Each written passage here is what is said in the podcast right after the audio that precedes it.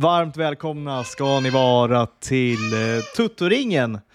Eh, ljudet ni hör i bakgrunden här är min son Ian som eh, pratar lite. Eh, han hälsar Malte till dig. Vad trevligt. Eh, Ja. Hej. Malte hälsar tillbaka igen. Eh, de är på väg ut i lekparken här, eh, så att snart kommer det bli lite tystare här inne. Blir du sugen på barn när du hör sånt här Malte? Herregud ja. Jag är 20 men undrar om inte jag ska, ja, två, tre år till kanske. Man tänker aldrig på att du är eh, så ung, du känns äldre på något vis. Jaha. Jag vet inte. Nej, men så här, jag 20 bast, du, du, är alltså född då, du är alltså född på 2000-talet. tror- 2002. Det är ju, ja, det är ju, det är ju bisarrt egentligen. Ja, det, jag, jag har alltid känt mig, jag har, jag har alltid varit intresserad av, ehm, jag vet inte, äldre grejer. Alltså jag, var, jag följde valet 2014 jättenoga, då var jag 12 år gammal. Oj, då var det 12 ja. Ja. Okej. Så jag har alltid känt mig kanske lite äldre än mina jämnåriga kompisar, så är det ju. Sen har jag alltid haft fotbollen som ändå har gjort att jag inte blev klassad som liksom gamlingen, utan jag hade alltid fotbollen jag kunde. Fotbollen har räddat mig från mycket om jag ska vara helt ärlig, från mobbning, jag var ganska stor när jag var liten också.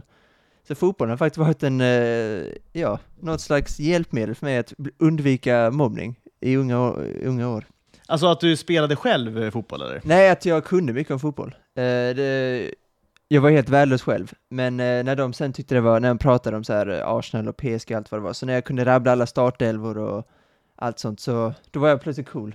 Ja, men jag minns det i den åldern, hur man hade liksom koll på allting på ett helt annat sätt. ja, ja herregud. Eh, när jag var 12, alltså år 2000, ja det var ju lite deppiga landslagsår då kanske, men eh, Eh, nej, men man hade ju stenkoll på allt, alla, eh, alla, alla trupper, alla startelver, alla transfers, alltså du vet man körde hockeybilder. Det fanns ju fotbollsbilder ett tag. Det var ju Mm. inte lika stort såklart.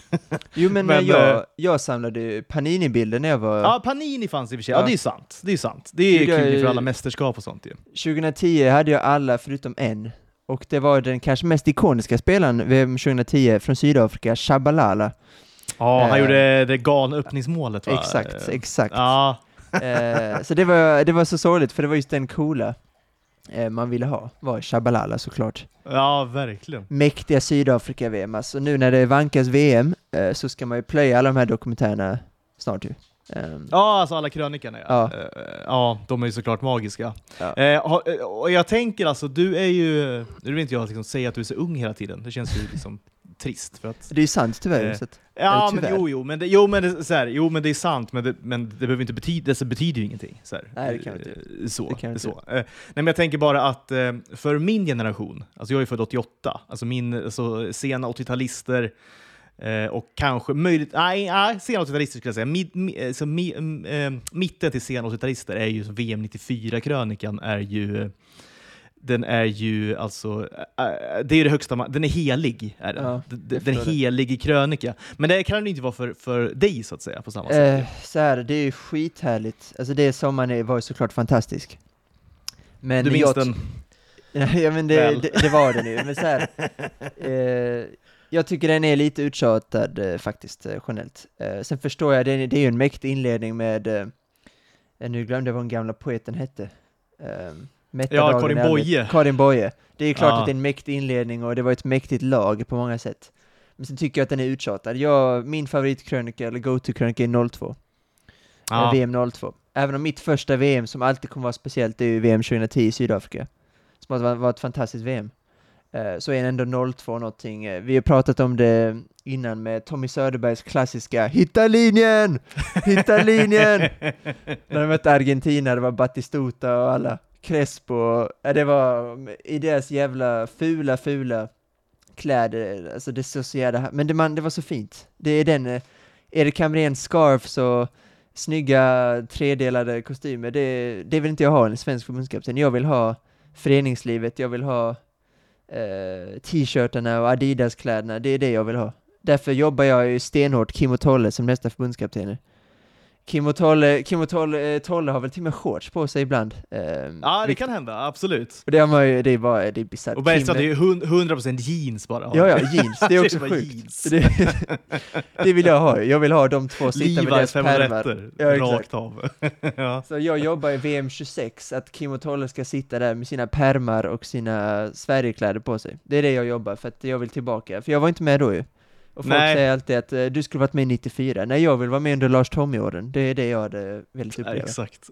Gråa, dass, liksom, dassiga nästan. Alltså, inte dassiga resultatmässigt, men liksom det här grå, dassiga, ibersvenska, det som Lars Winnerbäck kallade för tandläkarväder. Ja, Det är ju liksom hand i handske med då liksom de landslagsåren med Lars Tommy. för mig är det pärmarna. Att se Ja, de sitter där med det- det är per- gigantiska pärmar. Nej, det är inga så här laptops, det är inga paddor eller något. Det är pärmar, och liksom penna och papper. Ja. det, det är knappt att det finns en whiteboard liksom. Ja. Det, det är bara papper.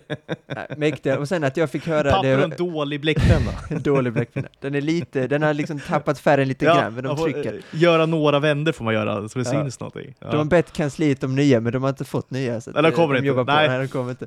Det måste attesteras och så vidare. Exakt. Liksom. Och sen har jag fått veta sig efter att de fick massa kritik. Det förstår inte jag hur ens det är möjligt. Vi gick till varenda slutspel, vi gick vidare, för vi vann ju till och med, vi var obesegrade 02, 04 och 06. Vi förlorade inte en match i gruppspelet och då mötte vi England, Argentina, Nigeria och herregud. Och att de fick massa kritik för att de var trista i media. Det är så- ja, nej, det är såklart helt overkligt. Nej, men också var det väl... eh, Det var väl också för resultat. Det var ju mycket, du vet, 1-0, eh, 2-1. Alltså det var ju... Men, men, ja, men jag håller ju med dig, för att det, alltså, pendeln sen, som svängde åt andra hållet, blev ju liksom förödande med då Erik Hamrén. Ja, Eh, det får man ju och säga. det blev ju raka motsatsen, och det, det var ju absolut ingen, alltså ingen vill ju ha tillbaka Erik Hamrén.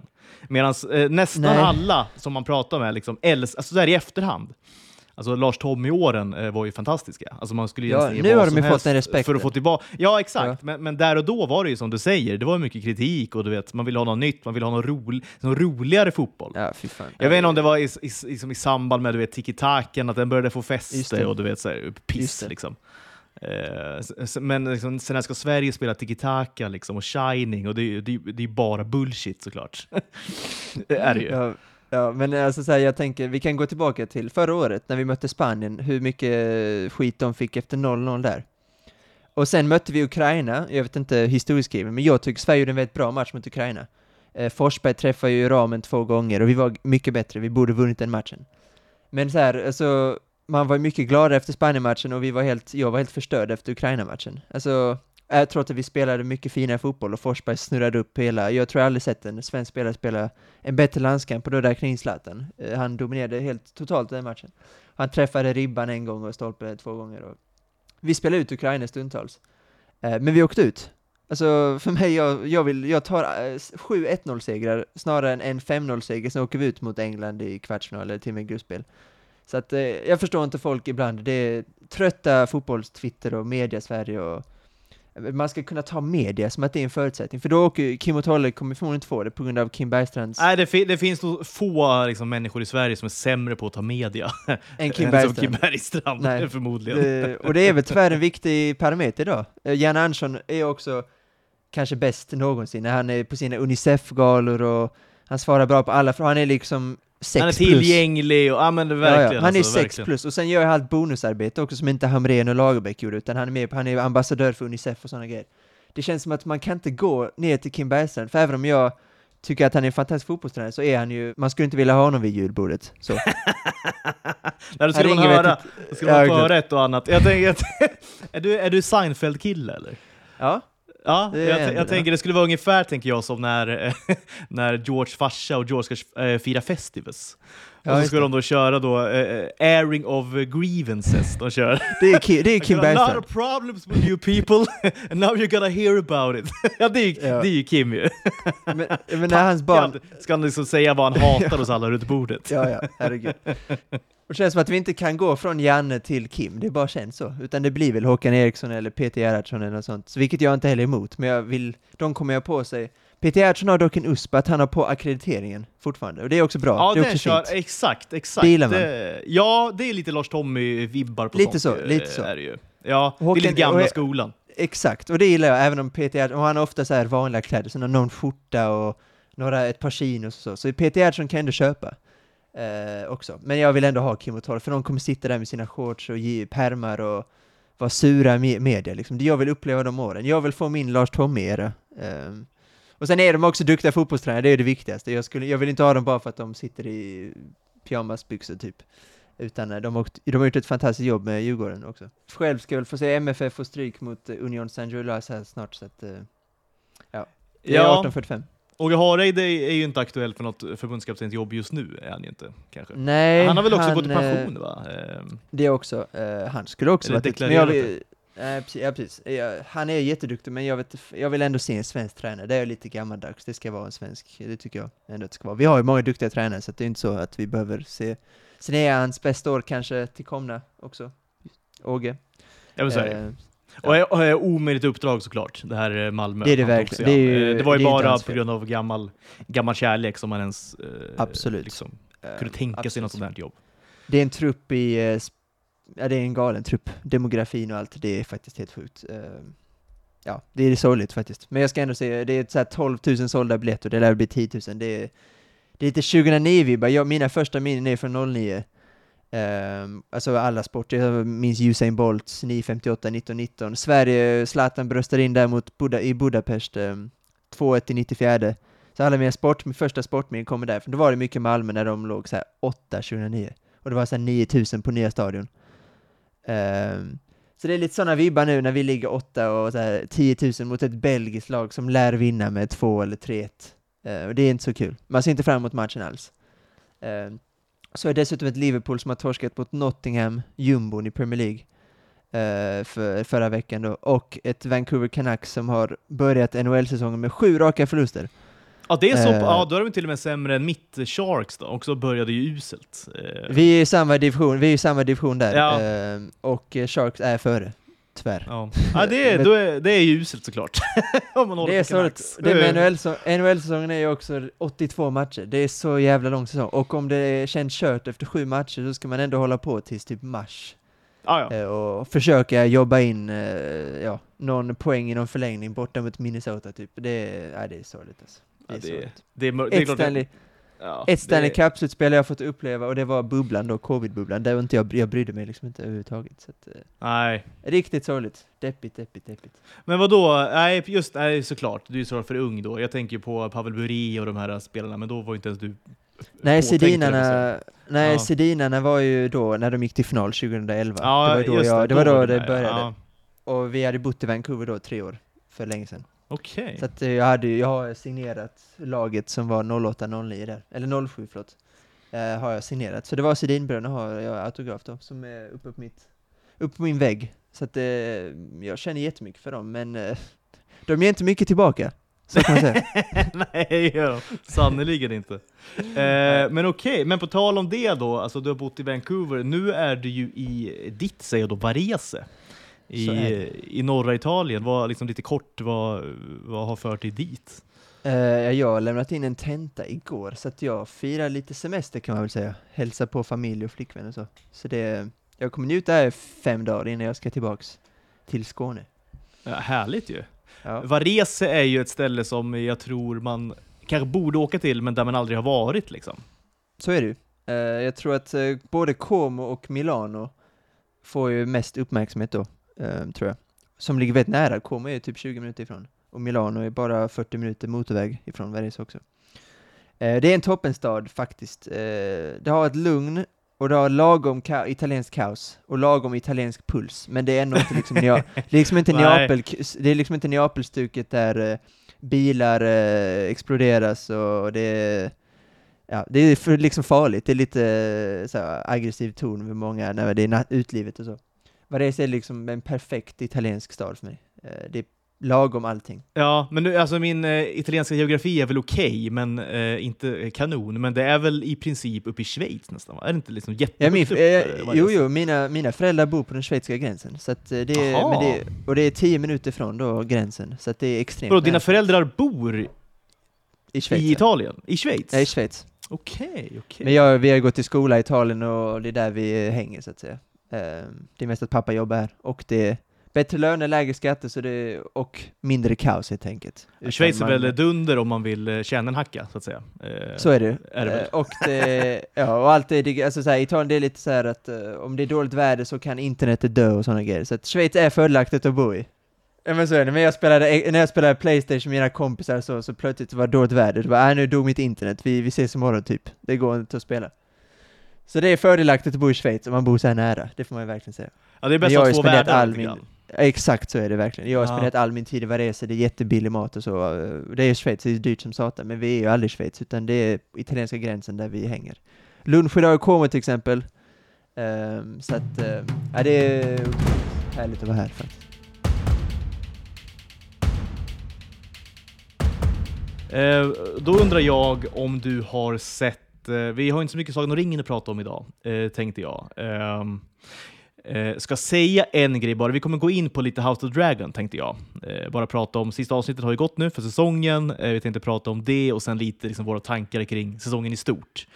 Även i liksom, Sagan om ringen-podd, Ja, jag får, eh, att vi touchar det lite grann. Eh, ju. Vilken serie det ändå är får vi säga. Vilken otrolig säsong.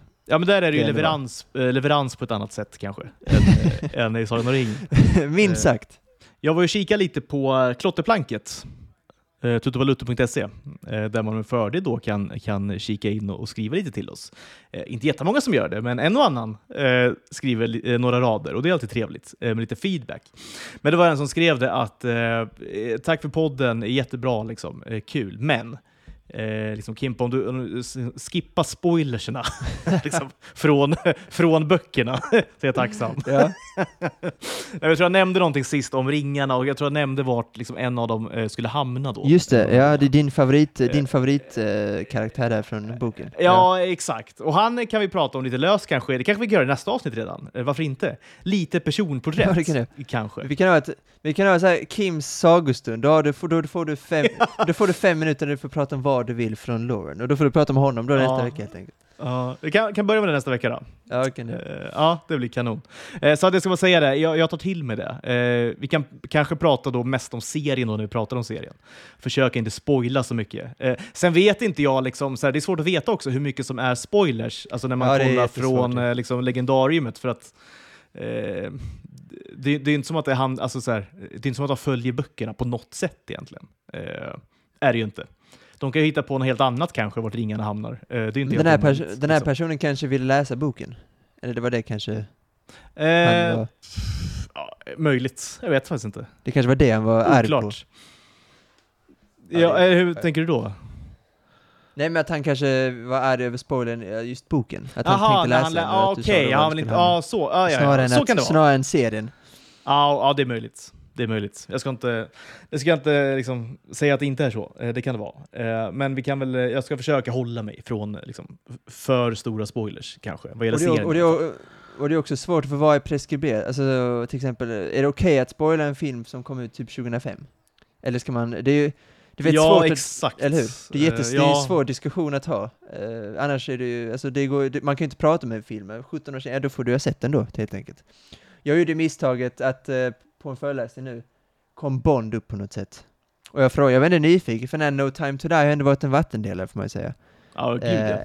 då är ändå de flesta vänner tyckte om den, men det är några som har så här hatat den. Och då får jag ändå säga spoiler alert då, om ni inte har sett No Time To Die, men James Bond dör ju då på slutet.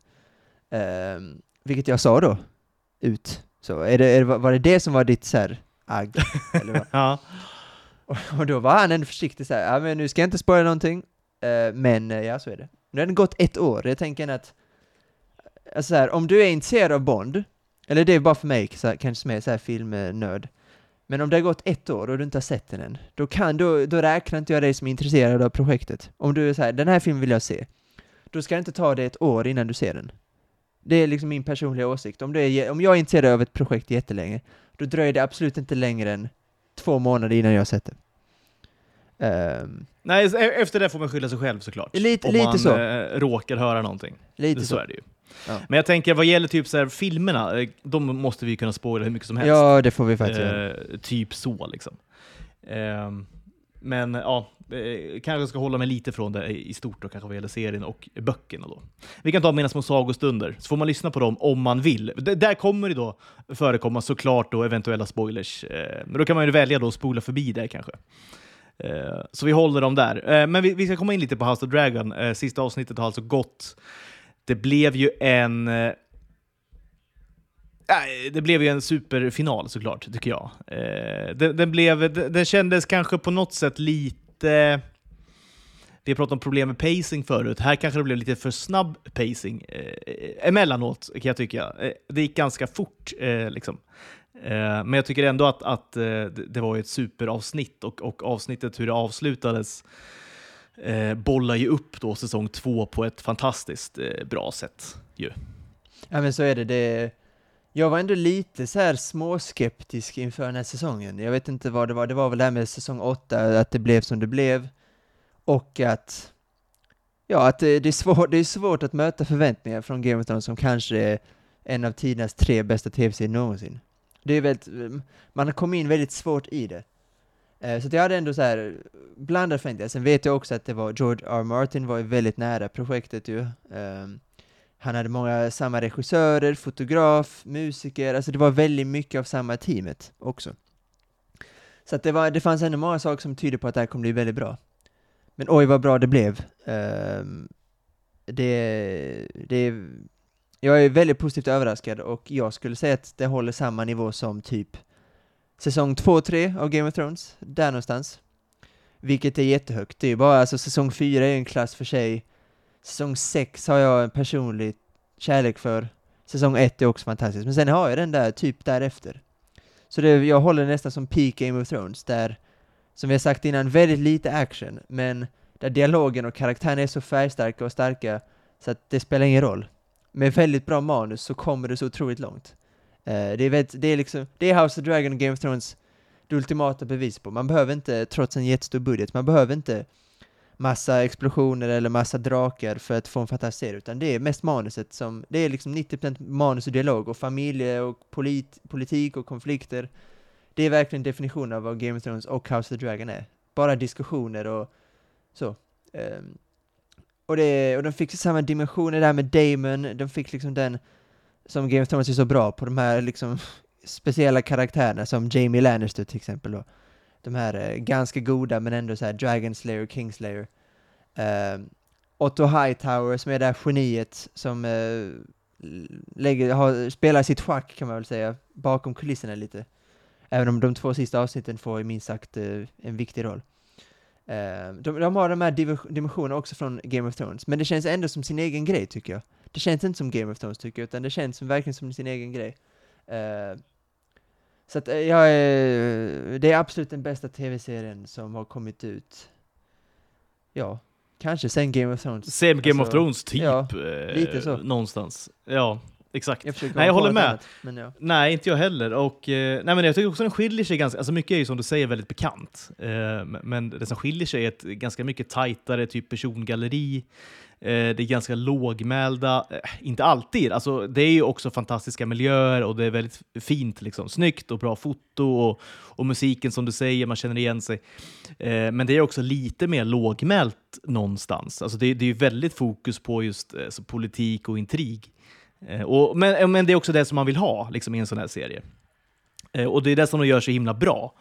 Och det här spelet som alla spelar och, och uh, twistarna som, som blir och, och liksom det dör, plötsligt dör någon uh, och då ä, liksom ändras allting. Uh, och, och det, nej, jag tycker också det har varit eh, superbra. Sen, sen måste jag säga att serien växte på mig, eh, precis som den kanske gjorde på dig då, måste jag säga. För att eh, Eh, tyckte den var okej, liksom, första avsnitten. Tyckte den var, ja, det här kommer jag ju såklart kolla på. Liksom. Eh, det här känner jag igen och, och, och det här är bekant och, och det här tycker jag ju om. Eh, men det var inte så att jag längtade till varje avsnitt. Det gjorde jag inte som med Game of Thrones när det kom. Däremot när man kom fram till Eh, för jag, jag tyckte det var ganska mycket, så här, det var så mycket surr hela tiden. Alltså det surrades bara. Det, liksom, så här, det hände inte så mycket. Det, det var mest snack. Sen klart, det hände grejer i bakgrunden och sådär, men, men, eh, men det man såg var liksom, eh, inte så mycket. Det var inte så mycket action. Liksom. Det är surret jag älskar, Eh, för det är så bra kvalitet jo, på men så- surret. Jo, absolut. Och, ja, det är det ju. Men, men jag tyckte det var, ba, det var bara surr. på ett sätt som, som jag inte var van vid, kanske från Game of Thrones då. Eh, och, och det var mycket, du vet, eh, det hade gått tio år plötsligt, sen hade det gått två år och du vet, så här, det gick år hit och dit och det var nya skådisar hit och dit och det var, så här, det var lite stökigt för mig. Men, men sen eh, från, säg kanske från avsnitt 6, avsnitt 7, där tyckte jag att det blev liksom, eh, där blev det ju eh, hu- hur bra som helst i princip. D- där, där tycker jag det kom upp i liksom Game of Thrones standard på ett annat sätt än, än inledning på säsongen. Ja, så den sista kvarten där med eh, ögat, ehm, när Alicent då eh, på riktigt, hon tar fram en kniv och hon vill, jag ska ha ditt barns öga för mitt barns öga. exakt. Det och de sista 15 minuterna, då känner, då, det jag kan hålla med dig att då ökar det ju ändå trots allt från en riktigt bra serie till. Det här är Game of Det Thrones är fortfarande kvalitet. jättebra, liksom. Fortfarande Ja, ja, jättebra, men, men där blev det ännu liksom en nivå upp. För Game of Eh, Thrones har ju några sådana ögonblick som är Typ Tyrion, alltså i, eh, när eh, han blir anklagad för att ha mördat Joffrey. Ja, Nu är det spoilers då för Game of Thrones, men eh, ja, det får ja men det får man köpa, känner Ja, det får man ja. köpa. eh, när han står där då och eh, har sin fantastiska monolog eh, och de till slut utlyser då en duell. Ehm, det, är ju, det, fin- det finns några sådana ögonblick som är verkligen top tier TV, som när Game of Thrones sticker ut från andra bra grejer. Breaking Bad är ju en annan TV-serie som har liknande, ögonblick. Ja, verkligen. men det är få verkligen. andra, ja, alltså det är väl Breaking Bad och Game of Thrones, sen är det väldigt många andra skitbra serier såklart. Men det är få som saknar det här extra. Och där nådde också House of Dragon upp till den nivån. Eh, tycker jag. Med den scenen där. Eh, och sen också var det avsnitt efter där som var, eh, nu säger jag är avsnitt 7 och 8. När kung Viserys då tittar ut över bordet. Eh, han är typ döende, får man ju säga. Eh, då. Han dör ju sen nästa avsnitt. Han är halvdöd i princip. Han är halvdöd, ja. Han tittar ändå bort, han ser sin familj då, har det jättetrevligt. Och eh, Ramin Djawadi, som jag tror han uttalar hans namn, fantastiska score, hörs i bakgrunden och man ser tårar komma från hans ögon. Det är liksom samma ehm, otroliga nivå ehm, genom hela, och jag håller med dig att det ökar lite där på slutet också. Eh, och sen när Otto Hightower, jag tycker man saknar honom lite där i mitten också. Eh, Han försvinner ju ett, ett par avsnitt tror jag. Eh, Ja. Gör han. Ja. Och jag, är- jag är svag för dem, det är liksom mina favoritkaraktärer. Go, eh, Littlefinger och uh, Tyrion är mina två gubbar. Framförallt Littlefinger.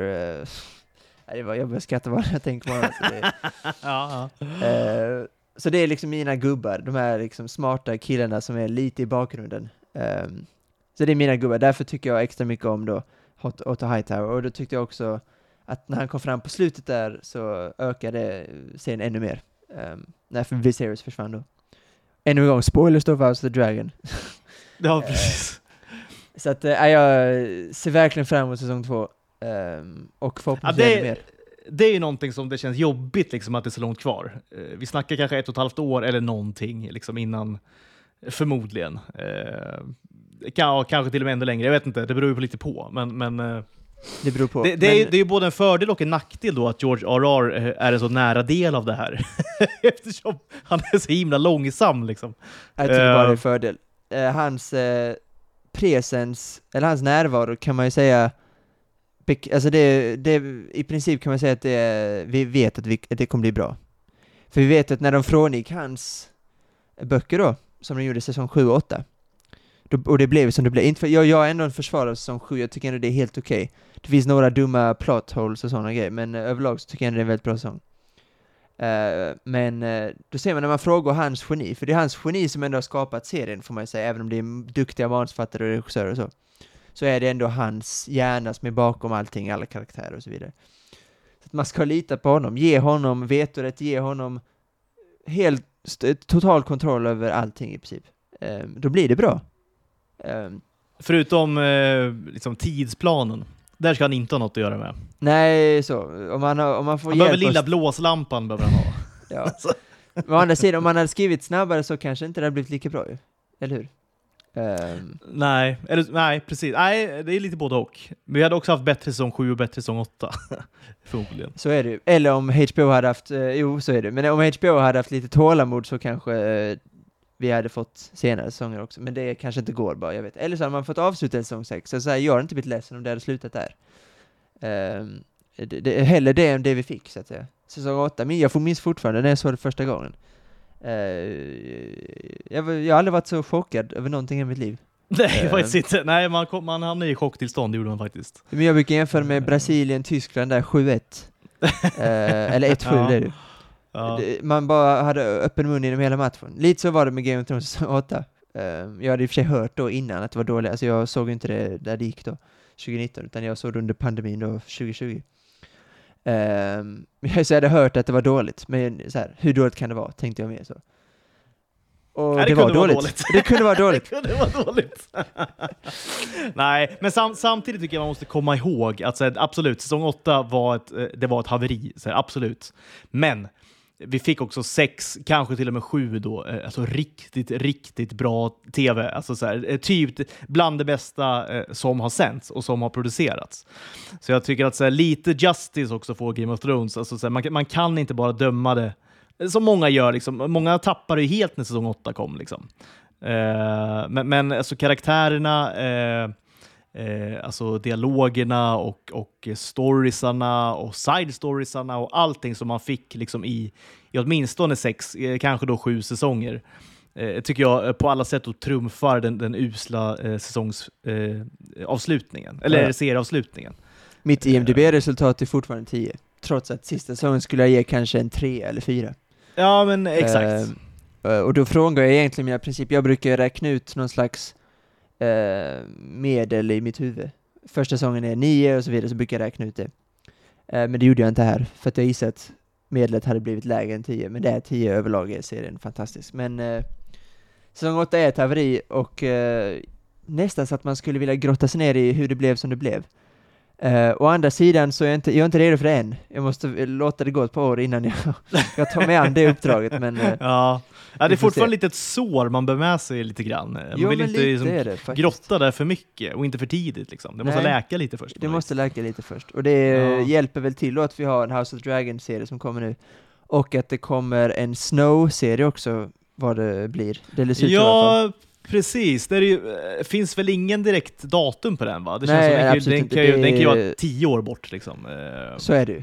Så, så är det absolut. Men det, det, det lär hända va? För jag tror den har blivit greenlightad. Och det är en till spin-off-serie som jag inte minns exakt vad det kommer Jo, handla men jag tror det var Sea Snake va? Skulle också bli en Exakt. spin-off. Exakt. Eh, men det verkar vara lite olika bud om den. Senast jag hörde så var den liksom, det skulle inte bli något med den. Det var typ bara ett rykte eller så bara la de ner den typ på liksom i det stadiet, eh, men det återstår att se. Eh, men- det kan komma en spin-off där också. Men det, det, Martins världar är så otroligt rika, det är lite som Star Wars, det finns så mycket att prata om så att eh, spin-offs, i vanliga fall är jag kanske lite trött på så här att man försöker göra en jättestor historia av någonting som inte är så stort. Men det finns ju verkligen mycket att göra här. Um, framförallt, om det, och framförallt om Martin är bakom projektet, då ser jag verkligen fram emot det.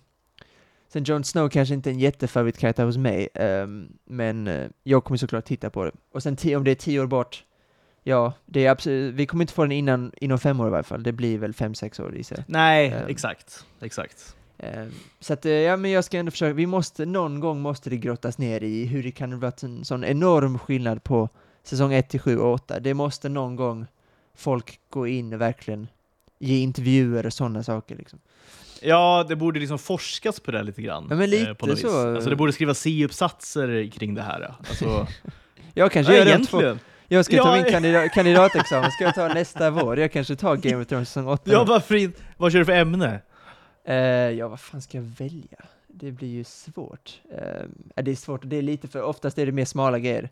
Vår, eh, det är en doktorand i animation, men då är det så här animering under 80-talet i tv som är eh, parodi, just det. Så det är väldigt smala grejer, så jag försöker gå in i Game of Thrones säsong 8 på något sätt. Ja, Eh, hitta lite kryphål där du kan. Hitta eh, något kryphål där. För det är, Ja. jag, jag är på riktigt intresserad, för att det är samma människor som är bakom det, så att det... Ja, det jag, det, jag förbluffas än idag av haveriet som är säsong 8 Game of Thrones. Eh, vi, vi, vi kanske ska ta ett avsnitt som vi dedikerar bara till säsong 8. Ja, något kanske sätt. skulle göra. Ja, faktiskt. Det finns ju väldigt mycket att prata om, även om det kanske inte är roliga saker. Men det finns ju väldigt mycket som man kan säga om det. Ja, det gör det. Kanske skulle se om då säsong 8. Nej, nej, nej, nej, nej, nej, nej. det kommer jag, det Nej, kommer inte jag gå nej. med på. Om du, stäng, om du eh, stänger av på Hobbiten så kommer inte jag, jag kommer inte klara det gör ett du på säsong 8. Jag kommer nej, inte nej, klara det. Det är jag sex timmar, det är sex timmar drygt. Eh, nej, aldrig i livet. Det kommer jag inte göra. Eh, däremot små klipp kan jag väl på något sätt sätta på tvn. Det är väl en grej man kan behålla om Game of Thrones. Det ser ju oftast väldigt snyggt ut, säsong 8. För Ja, pengarna, det gör det. Ja, det är, mer, absolut. det är ju väldigt mycket mer budget också. Ehm, det är väl det enda som är positivt, ska jag säga, i princip. Um, sen är väl de första tre avsnitten kanske inte riktigt så dåliga som fyra till sex, som är trots allt det Nej, absolut, nej, absolut inte. Alltså det började ju okej liksom. Så här, eh, Ja. nej, Man sen, har- det man- slope. ändå att något, ja det var det verkligen, man anade verkligen att någonting, för även om det var okej så är det ju betydligt lägre än verkligen. alla tidigare säsonger. För det var ju så otroligt hög nivå på varje avsnitt. Ehm, så att, eh, nej, vi får ta det senare. Men jag är inte redo än och jag kommer absolut inte se om det. absolut inte. nej, nej. Nej. Ja, då skippar vi det kanske. Ja, det vi. Men House of Dragon då, eh, du gav Game of Thrones då en tia. Eh, ja, för sig då över, över alla säsonger. det är det, ja absolut. Eh, ja, men, men du ger väl säsongerna i sig då kanske också en tia, eh, tänker jag. Eh, nio, Den här tio. säsongen, den här säsongen. Ja, jag, Nej, jag, tänker, jag tänker som en, de enskilda säsongerna. Eh, Jaha, nej, det, jag går inte in och ratear dem, men eh, säsong 1, 4, 6 och 5 skulle jag nog ge 10. Och sen Ja. resten, resten 9. 7, kanske 8,5 och sen då sista tre. Mm. Eh, Men då tänker jag då ett, ett litet summerande betyg då för House of Dragon Mm. säsong 1. Eh, för dig, vad, vad landar det på? Jag har, just nu ligger jag på 9, eh, men det är absolut en generös 9, så det är mer 9,5. Uh, Åtta och en skulle 9,5 um, ligger jag på. Men det kan man inte göra på IMDB. Så jag skulle på Rotten Tomatoes skulle det 94-95%. Ah, Okej, det är så Ehm, pass alltså. Men det ja. ja absolut. Eh, jag skulle väl ge det en 10 men det, det måste växa på mig i sådana fall och en säsong två får gärna komma då också. Det är svårt efter en säsong att ge 10 också för mig, det känns också fel. Men det är, förtjänt, det är ju förtjänt av en 10 egentligen, men jag lägger mig på 9 just nu så får vi se hur jag känner för den eh, om ett år då när vi kanske får säsong två, förhoppningsvis. Men, eh, precis, men vet du hur många säsonger det är som det liksom planeras för? Eller kör de Eh. bara en, en säsong i taget? Det kan man nästan inte göra. Nej, de, alltså de har väl, de har inte sagt någonting över, för nu ska vi, de göra en andra säsong då, det blev klart ganska snabbt.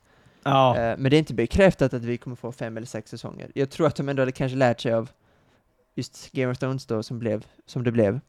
Men de kommer nog köra på tills de märker att eh, vi är klara, typ. Det är det jag hoppas. Framförallt när Martin är klar, lite så är det väl. Han, jag tror han har väldigt stor kontroll nu. Ehm, och de borde ha lärt sig, när vi eh, tar kontrollen själva och vi eh, låter Martin eh, stå utanför så blev det som det blev. Så jag tror han kommer ha ett väldigt stort inflytande över resten av tv-serien. Um, så att uh, det lär, bli, vad kan jag gissa? Det ska bli 4-5 ska jag gissa att de kommer upp i, det tror jag.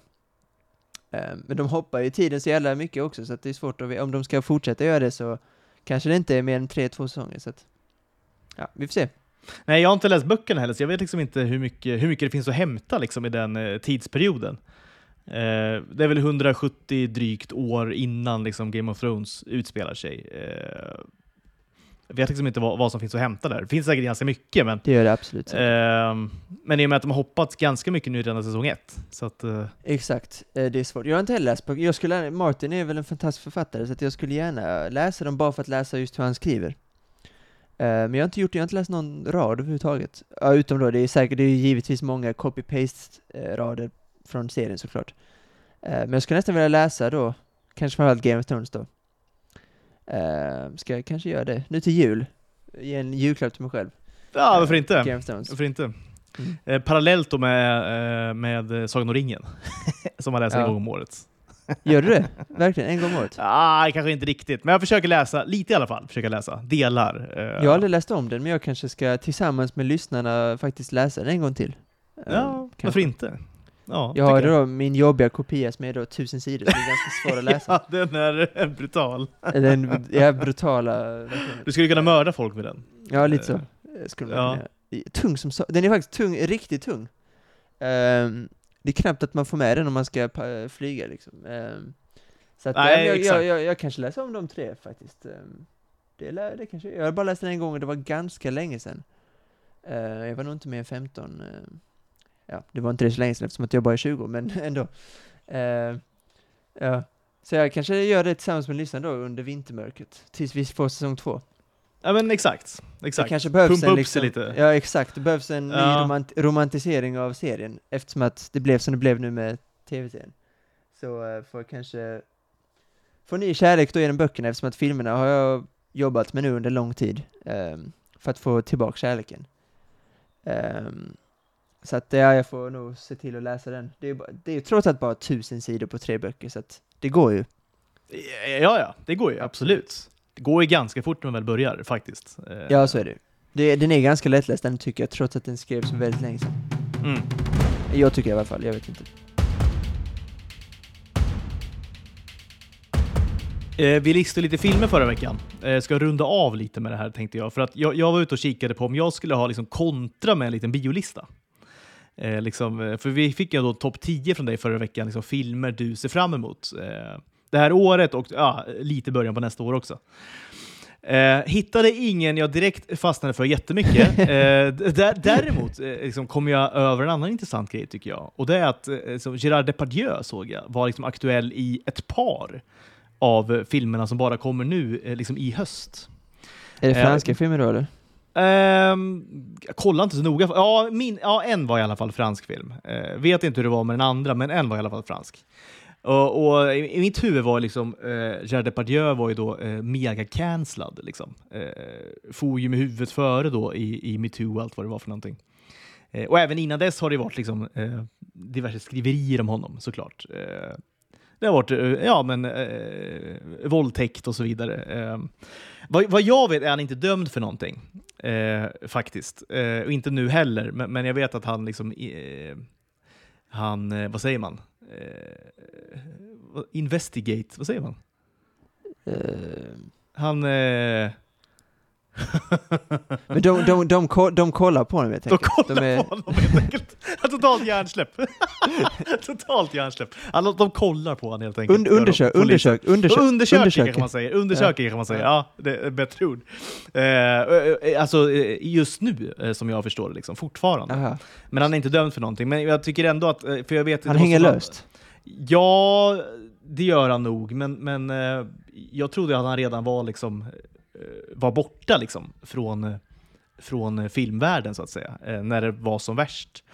Eh, Men han är tillbaka i alla fall. Det var bara en spaning jag, jag hade kring... eh, Sta- kring starkare än någonsin, kanske. Är, men, men är inte med i den Asterix Obelix-filmen som Zlatan också ska vara med? Ja, men blev han inte liksom skickad från den också? Ja, det kanske är så. Eh, Alltså, Den duon dock vill man ju se, Zlatan och Depardieu på bioduken. Alltså i- inga jämförelser i övrigt på något sätt, men, men det känns som att de skulle kunna hitta varandra kanske. Lite grann. Så är det ju. Det, de hade haft kul. Ja, Gerard och Zlatan. det är så- två världsvana människor då. Eh, Så är det verkligen. eh, ändå. Där vill man vara fluga på väggen. När de Ja. sitter och äter middag Ja, och gör annat.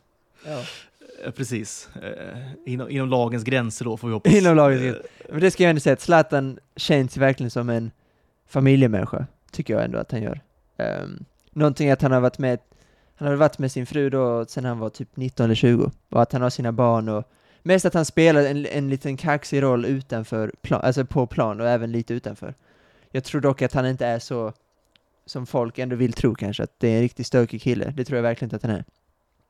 Däremot känns det ju att Depardieu har någon liten minivåldtäkt i sig kanske, utan att, utan att säga för mycket. Känns lite så. Utan att åka dit för förtal. Eh, nej, men, nej, men det, kän, det känns som en uh, betydligt då, eh, mörkare personlighet har han ju. Men så är det. Han har väl haft alkoholproblem också, är jag ganska säker på. Ja, Det måste han ju haft. Ja. Eh, dock vet jag inte Frankrike. I Sverige hade han ju varit borta redan nu såklart. Eh, nej, det är lite ah, mer, nej men exakt, det är lite mer liberalt där med... med Lite så. Martin Timell och allt, alltså han åkte ut innan ens han Ja, in- innan han ens dömdes. Om han ens dömdes, jag tror Nej, inte han han, dömdes någonting. nej han, han blev ju faktiskt aldrig dömd. Jag tror han fick Nej. så här, som mångmiljonbelopp från TV4 i någon sorts stämnings, liksom, ja. ansökan. Det. Så att, han är ändå borta, liksom, men han är inte dömd för någonting. Han är ju Eh, helt borta, man ser ju honom ibland på Anders Timells Instagram stories, och han har växt ut skägg och så, så det är en liten deppig historia, känns det som. Eh, Fast han lever säkert, han har ju fått massa pengar och han, eh, på ålderns höst nu, har han säkert det bra. Det Säkert, ändå, men han i levde svenska lite grann... folkets ögon, exakt. Ja, I svenska visst. folkets ögon är han väl ändå alltid eh, boven nu känns det som. Eh, Förmodligen. Förmodligen. Eh, och det är jag har inte riktigt, jag är lite för ung, alltså jag minns ändå att Äntligen Hemma satt ändå på ibland på så här, TV, och han var ju programledare Mhm. för Time Out. Det är också någonting, Time ja, Out. just det. Det, det, det, det tv-programmet, det gick ju lite också innan jag, innan jag blev äldre. Men tyckte det, du om det eller? Nej. Jo men jag tyck, jo men, Du gjorde jo, det? Så här, Ja. jag ska, men jag har ju bara sett sketcher så här i efterhand. eh, men, Ja. det är ett program som hade blivit supercancelat idag så. Alltså många Ja. av de skämten som Robert Gustafsson drar när han imiterar eh, homosexuella och handikappade och Alltså det var ett program där folk... 2022. eh, Hade inte Lite så. Så att jag Nej. kan nu sakna det programmet, att det var ett verkligen icke-PK humorprogram. Eh, sen var kanske inte allting jätteroligt, men eh, det var mycket bra där. Sen eh, när man vet vad Martin Timell har gjort och kanske vad Robert Gustafsson står lite, även om jag stundtals håller med honom just PK-fascism-uttalanden, men annars känns det han också som ett litet minisvin. Så kanske programmet smakar lite sämre i munnen. Kanske. Men jag tycker ändå befriande humor får man ändå säga med tanke på just idag. Det var ändå bara 13-14 år sedan. Eh, hur långt, eller ja, hur långt eh, vi har kommit kan man väl säga. Hur vad man får och inte får skämta om i Sverige då. Så det tycker jag ändå var befriande program, men det är såklart superborta, det kommer aldrig komma tillbaks. Åtminstone inte på det Nej, sättet. det gör, nej inte, inte liksom på liksom markburen tv. Nej, lite så. Det är på Riks, på Riks flyg, flyger väl? Och Sverigedemokraternas kanal där. ja, ja, ja, det är stor tittarkrets såklart där, alltså demografimässigt. Ja, ja, men det var ju där Stor han... andel som eh, kollar på Riks, eh, kollar också på Time Out då. Och då menar jag inte det. dig Malte, utan i stort då. Så är det ju.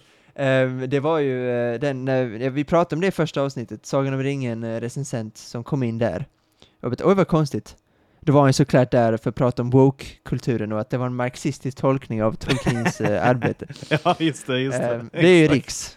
Det är Riks, ja. Eh, det är Riks, Precis. Det är Rebecca, Rebecca Fallenkvist som nu är såklart, eller hon är inte gone, hon fick ju jobb sen eh, kort efter Jag tänkte säga Eh, på tal om cancellad, men hon är alltså tillbaks redan då? Ja, men det är det som är så sjukt. Hon eh, först skäm, här helgseger var ju klassiskt från valnatten då. Ehm, sen var det nu Anne Frank, när hon hade skämtat om henne, att hon var superkåt eller vad hon sa att hon var. Ja. Ehm, det var ju nu förra veckan. Så bara, ja, nu är hon borta, nu är hon borta då, från både Riks och allt. Ja, det var ju härligt ändå, får man säga. Ehm, sen läste jag Aftonbladet dagen efter. Fallenkvists nya toppjobb på SD, där ekonomiavdelningen eller sånt, jobbar nu inom Sverigedemokraterna. Okej. Ändå märkligt, får man säga. Ah. Ja, det kan man verkligen säga. Det man ändå Eh, säga. Det kan man verkligen säga. Samtidigt inte jätteförvånande kanske ändå. Så är, det, så är det inte heller, men ändå lite faktiskt, får jag ändå säga. Just ja, Anne att det gick Frank så också. fort ändå. Tog Ja, bara det är också dag- då. Ja, exakt. Ja. Nya toppjobbet, också kul rubrik. Nya toppjobbet. Så. Revisor på Riks, eller vadå? Ja, lite, ja. Nej, Ekonomi. ekonomi. nej, men eh, nej, nu jobbar hon inom partiet, alltså hon är politiker nu. Jaha, helt alltså inom ja, SD, okej. Precis. Jaha. Ehm, ja. Det är kul. Så, Ja, hon har ju såklart någon megahållhake på någon där, som gör att hon inte liksom kan försvinna helt. Det nej, jag, jag, vet, jag vet faktiskt inte riktigt ehm, vad det är. Hon är från Kristianstad, min, eh, mina hemtrakter. Ja. Så det är tråkigt att hon ska sm- sm- smutsa ner det ryktet. Men du är nästan aldrig där, du är bara ute och reser du. Nej, Kristianstad håller jag mig undan från eh, till stor del. Faktiskt. Ja, Ja. exakt. Fina handbollslaget dock. Ja, det är klassiskt lag såklart. Det är det ju. Verkligen. Orangea, mäktigt faktiskt att gå på handboll där. Ehm, nu vet jag inte riktigt hur det var efter pandemin, om publiken har kommit tillbaka, så är inte säker. De har inte vunnit SM-guld på ett par år, men eh, Nej. nu är det svagt handbollsur här. När vi Ja, det, är- det, är, det är man svag. Alltså, när jag bodde i Flen, jag bodde i Flen. Nu med uppväxt, eh, då var jag mycket Ja. på Guif. Mycket, men jag säger att det var på eh, 10-15 matcher. Eh, I Är det Eskilstuna då, på Ja. Eskilstuna, ja, precis. Ja, Guif. Erik Hajas hade, gjort, hade spelat där då, var ju stora Ah, stjärnan såklart. Fint. Eh, Man kollar ju när landslaget spelar, EM och VM och sånt. Eller jag gör det i alla fall. Då, slu, då slukar jag typ mästerskapet. Men SM-serien där är jag väldigt dålig på. Nej, om inte det ger man inte en spelar. minut alltså. Det gör man inte. Nej, det gör man faktiskt. verkligen inte. Nej. Men nu vann de i EM senast här i januari, så då brukar man ändå, när de är bra, slukar man ändå mästerskapen. Det tycker jag ändå att de, de flesta gör väl ändå det, för vi är ändå 20 år sedan så, det var ju Bengan Boys där, det var ju stort som satan. Fyllde Globen och vann EM där 02. Eller vad det var. Exakt, det, Eh. var ju, det var ju otroliga tider faktiskt. Ja. Eh, Peak handbollen i det här landet, det får man ändå säga. Ja, det, och det lär väl alltid vara så va?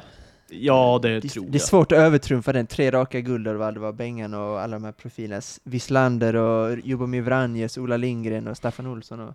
Nej, men de är ju, de är ju på samma sätt som liksom VM 94-gänget är ju odödliga. eh, Ja, är ju lite liksom så Bengan, är det faktiskt. Boys-gänget kommer ju alltid vara odödliga. Ja men Och lite det så är spelar det liksom ju. ingen roll vad liksom ett nutida lag egentligen skulle åstadkomma Nej. för någonting. De kommer liksom Typ- aldrig trumfa det ändå. Nej, men det är faktiskt sant. De är faktiskt, de känns lite odödliga i media också. Så här, Ja, eh, sla, jo, Slangen och Ola Lindgren. Exakt, Staffan. Olsson och de här. De, Ja. de, är, de finns ju alltid någonstans och skvalpar. Ja, ja. Liksom. Försvinner aldrig helt, gör de inte. Ändå mäktigt att de fick vara kvar. Jag tycker ändå det är härligt när gamla hjältar minns, liksom, att man eh, respekterar dem och att de får den kärlek de förtjänar. Eh, så det är härligt så att vi är det laget. Men det är ju så, de, deras ord är ju lag när det kommer till handbolls... Det, äh, verkligen. Sverige. Verkligen. Ja. helt klart.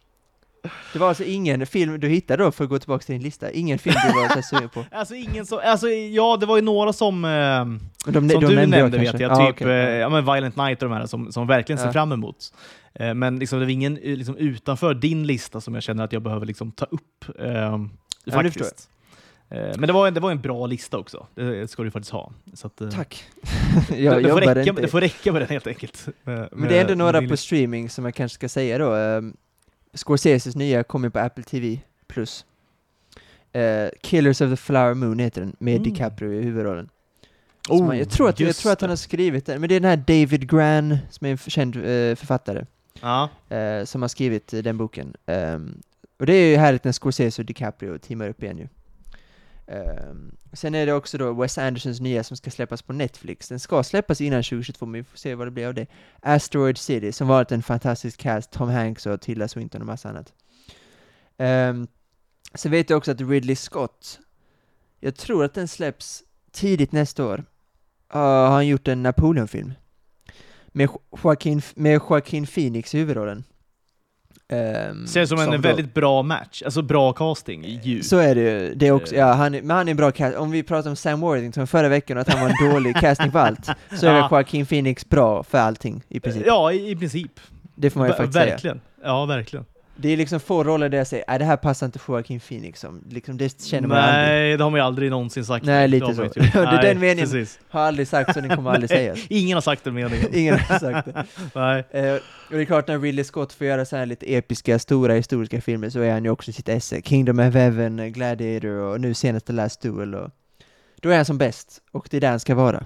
Ehm, det, det är så tre filmer som kommer som jag har koll på. Sen kommer det alltid plötsligt så här två veckor. Idag kommer jag på eh, Jordan Peele som är en känd skräckregissör och eh, manusförfattare har teamat ihop med Henry Selick som har gjort Nightmare Before Christmas och eh, eh, Coraline, kända halloweenfilmer. Eh, de ska teama upp nu och göra en Netflix-film som släpps imorgon. Som heter Wendell and Wild. Som är en lite Roald Dahl-aktig berättelse som är så lite skräck. Och den kommer imorgon, så att streamingfilmer får ju oftast ganska lite uppmärksamhet eftersom att de kommer så snabbt in på. Nej, helt Man plötsligt på finns de bara Netflix, där. lite exakt så, lite Ja, ja. Lite Don't Look Up, den, när det ändå var Adam McKay och en stor, den, oj, nu kommer den om en vecka liksom. Ehm, så att lite så är det med streamingfilm också, men de här tre har jag koll på. För de har ju säkert velat få, det är ju liksom surgubbar, Scorsese och Ridley Scott. ja, ja. Det är det ju. det ju. Ja, Eh, ja. Så de har säkert kämpat för att få uh, biograf-releases. De vill, men de vill ju helst fått- inte såklart vara på någon streamingtjänst liksom. Eh, Det vill känns inte. App, Apple känns ju också som en ganska deppig streamingtjänst. Det Gör känns ju absolut inte som Scorsese framförallt. Nej. Eh, gör det Eh, verkligen inte. Nej, och Ridley Scott också, han, det var det var ju, det var en intervju nu med The Last Duel 2021 då, eh, där eh, någon sa, den här filmen känns mer realistisk än till dina tidigare filmer som typ Kingdom of Heaven och eh, Exodus och så, så bara 'Fuck you, thank you very much, fuck you' Mitt i intervjun! Så sa han det till honom. Och då var det också en, språ- det var också en språkbarriär, för man hörde tydligt att journalisten då inte hade engelska som modersmål. okej. Det var väldigt tydligt. Jaha. Så att han, man kan tycka att han borde ha mer känsla för just kanske Han fick inte fram exakt vad han ville ha sagt kanske då, eh, Nej, journalisten. Exakt, Eh, lite nej, så. Noll förståelse Sen- såklart. Exakt. Och du sa väl också det här med att han hade jag vet inte om det var du som sa det, men jag tror det var du som sa det att eh, han hade skylt på eh, generation Z och deras telefonanvändning och sånt. ja, Att det, där, det var därför The Last Duel gick så dåligt. ja, för att de kollar på precis. sin jävla telefon. Inte för att det är ett jättebra argument egentligen, för det har, hänger ju egentligen inte ihop. Vi Nej, kollar mycket på vår telefon, vi går inte och ser den filmen. Det är väldigt, det går inte alls ihop.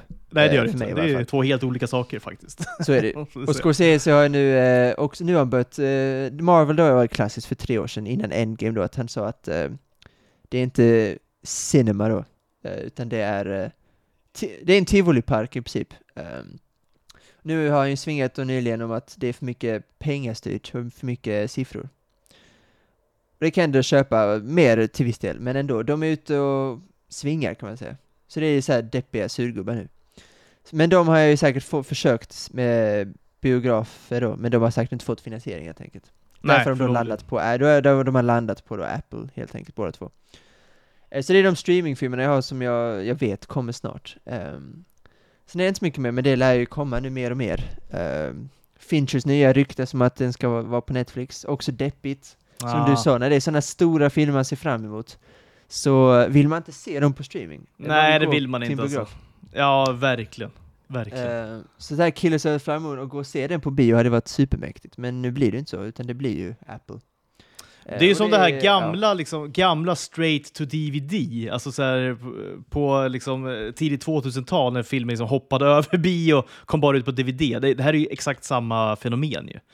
Men det var också Och- dåliga filmer alltid eller hur? Ja, det exakt. Det var, bra dåliga, filmer. ex- exakt. det var dåliga filmer då. I det här fallet så är det ju liksom förmodligen eh, ganska bra filmer då. Ja, som, exakt. eh, Det är det som känns konstigt.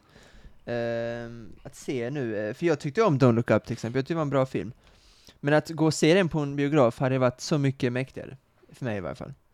Eh, Ja, det är ju ändå det är den typen av film som ändå funkar på vita duken. Eh, Ja, ja. Bra film. Bättre än eh, hemma i soffan egentligen. Ax- absolut. Ehm, och så här, det finns vissa uteslutande. Top Gun Maverick, den ska man inte se, eller det är klart efteråt, men första gången ska man se den på bio såklart. Ja, gud ja, såklart. Don't Look ja. Up är inte den typen av filmen att så här, stora, det är inte lika viktigt så att säga att se den på stora duken. Och det kommer inte heller Killers of the Flower Moon vara, eller The Killer då, David Fincher.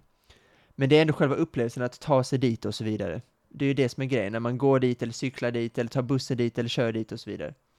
Då, då blir det en annan känsla när man lämnar biografen då helt enkelt. Ehm, det blir en helt annan stund. Du kanske går och äter efteråt eller köper med dig något och så vidare. Mm. Så det är deppigt, men eh, Mm. ja, det är som det är. Ja, exakt. Jo, men det är som det är. Eh, något som också är som det är att eh, nu kom, eh, nu kom familjen hem här igen. nu blir det livat igen. Eh, så vi, vi får säga så så länge, tänker jag. Eh, vi, vi tänkte ju faktiskt komma in på lite Netflix-serier nu som är aktuella, men eh, vi kan väl ta det nästa, nästa vecka, då, helt Ja, ja, enkelt. vi, tar, vi kan ta serier Eh, överlag nästa vecka och vad ja, som kommer skulle ut vi och vad som göra. är ute. Ja. Ja, exakt. Och andra serier också som är bortglömda typ. Kan jag ta upp några serier som jag tycker är bra, som andra bör se. Ja, absolut. Vi kan en liten minilista igen. Maltes lista och Kims sagostund kan vi köra Ja, nästa det, vecka. det blir kanon. Då har vi två nya segment då i podden nästa vecka. Exakt. Exakt. Det blir grymt. Nej, men ta hand om dig. Ha det så fint där uppe i, eh, i, i, i sjöarna och bergen. Där du Tack. befinner dig. Tack. Eh, så, Ska så vi få hörs... s- stryka av belgarna snart också? Ja, precis. Några timmar kvar bara. Ja, det är någon timme kvar. Åges Ja, jag- andra ska ut. Ja, precis. Precis. Eh, hopplös fight såklart. Men eh, det ska göras. Det ska göras. Ja, det ska göras. Och ni kommer säkert slå Djurgården, eh, Molde med 3-0, 0-3 blir det väl? Ja, alltså ja, jag vet inte. Eh, en poäng så är vi ju, har vi vunnit gruppen. Vi säger Ja, då. Har Djurgården vunnit gruppen. Så det är ju... Ja. Eh, nej, det, det är såklart de ska kriga för en Och poäng. det, får bli, och de. det får bli slutord. Och där kommer Kim och Tolle sitta med sina jeans och shorts och sina pärmar och förhoppningsvis gör de exakt samma sak om mindre än fyra år då Sverige förhoppningsvis ska åka till USA eller Kanada eller Mexiko och inleda VM-slutspelet med de två som chefer helt enkelt. Ja, det hade ju, hade ju varit något alltså. Hade det, jag, får gå, jag får gåshud redan. Ja. ja, jag förstår det. Nej, vi, jobbar, vi jobbar för det helt enkelt, såklart. Vi Det jobbar det. Det Vi gör får ringa, ja vem är det som blir nu? Karl-Erik Nilsson? Nej, Håkan Sjöstrand är väl fortfarande som ska utse nästa Ja, han, funktion. går han kommer inte gå någonstans känns det som, den människan. Eh, Du tror inte han är kvar 2024? Jo, det tror jag. Jag tror han alltid kommer vara där på något vis. Klamra Ja. sig fast. Eh, Men vi tar Håkan Sjöstrand nästa vecka. Jag har faktiskt någonting att säga om det. Vi kan ta det nästa Okej, vecka. ja men spännande. Oj då, då Ja. har vi cliffhangers och nya segment och allt möjligt då eh, i nästa avsnitt. Spännande! Ja. Är, det, är det någon som går igång på det förresten? Håkan Sjöstrand? Det- jag kan inte vänta tills om nästa du har vecka. skit på honom, gå igång på det, absolut. Ja. ja, men lite blandat kanske då. Ja, okej, ja, men, ja, lite skit bara så säger jag nej. lite skit. ja, okej. ja, men grymt, då All hörs right. vi helt enkelt nästa vecka. Ja, det gör vi så, verkligen. Så ha, ha det så bra. Lyssnarna, ni får ha det så bra. Eh, hörs vi snart igen. Ciao tutti säger vi nu då, när du är i Det gör Italien. vi. Ja, absolut. Ja, exakt. Buonasera. Ciao, ciao. Buonasera. Ciao, ciao.